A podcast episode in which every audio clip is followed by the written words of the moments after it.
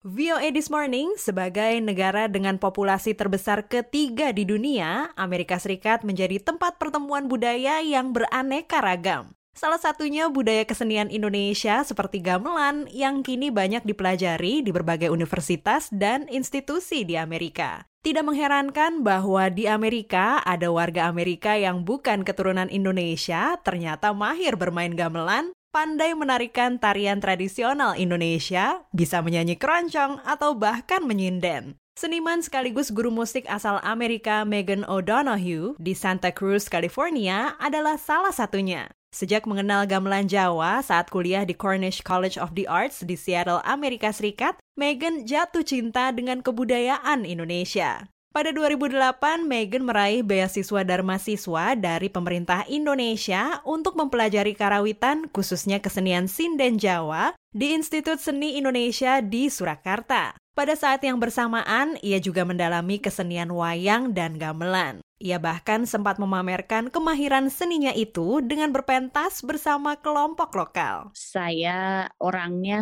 penasaran. Kalau saya tertarik dengan sesuatu, saya pasti mau masuk sampai dalamnya. Jadi saya orangnya totalitas banget. Mungkin karena benar-benar beda dengan budaya saya, kalau sudah belajar tentang budaya Indonesia, semua orang pasti langsung jatuh cinta itu otomatis menurut saya.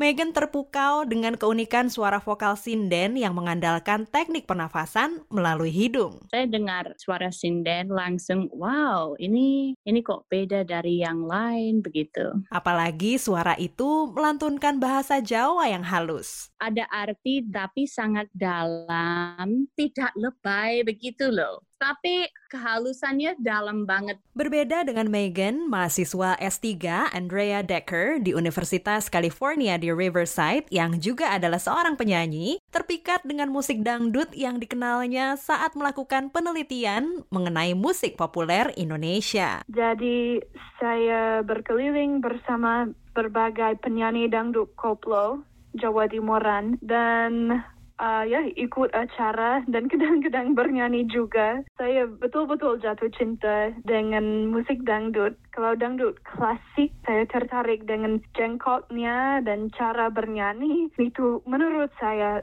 susah sekali kalau dangdut koplo, saya suka iramanya. Itu enak bikin goyang. Selain dangdut, waktu itu Andrea juga belajar gamelan dan menyinden yang menurutnya lebih cocok dengan suaranya. Di Jawa Timur sekarang mungkin baru-baru ini ada tradisi dangdut dan campur sari. Jadi saya bernyanyi campur sari, bernyanyi dangdut dan mencoba mengikuti nyinden juga. Kecintaannya terhadap budaya Indonesia berlanjut setelah ia kembali ke Amerika di mana ia bergabung dengan kelompok gamelan Jawa di kampusnya. Kadang-kadang mengejar gamelan kepada mahasiswa yang yang belum pernah. Jadi mereka mencoba bermain mungkin eling-eling atau sesuatu yang simple. Yang juga menarik perhatian warga Amerika adalah musik roncong yang kini ditekuni oleh Hannah Sandyford mahasiswa S3 jurusan etnomusikologi di Universitas Pittsburgh di Amerika. Hannah mulai mendalami keroncong saat menjalani program Dharma Siswa di Institut Seni Indonesia di Solo tahun 2014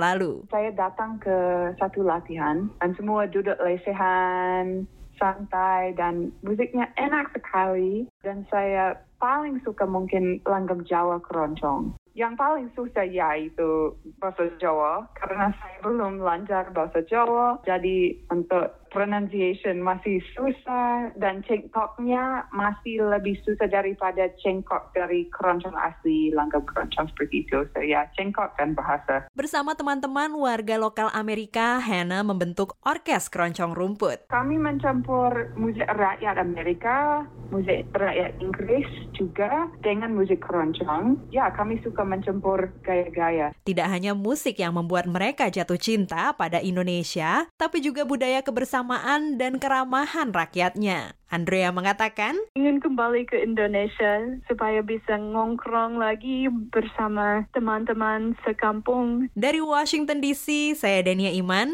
VOA.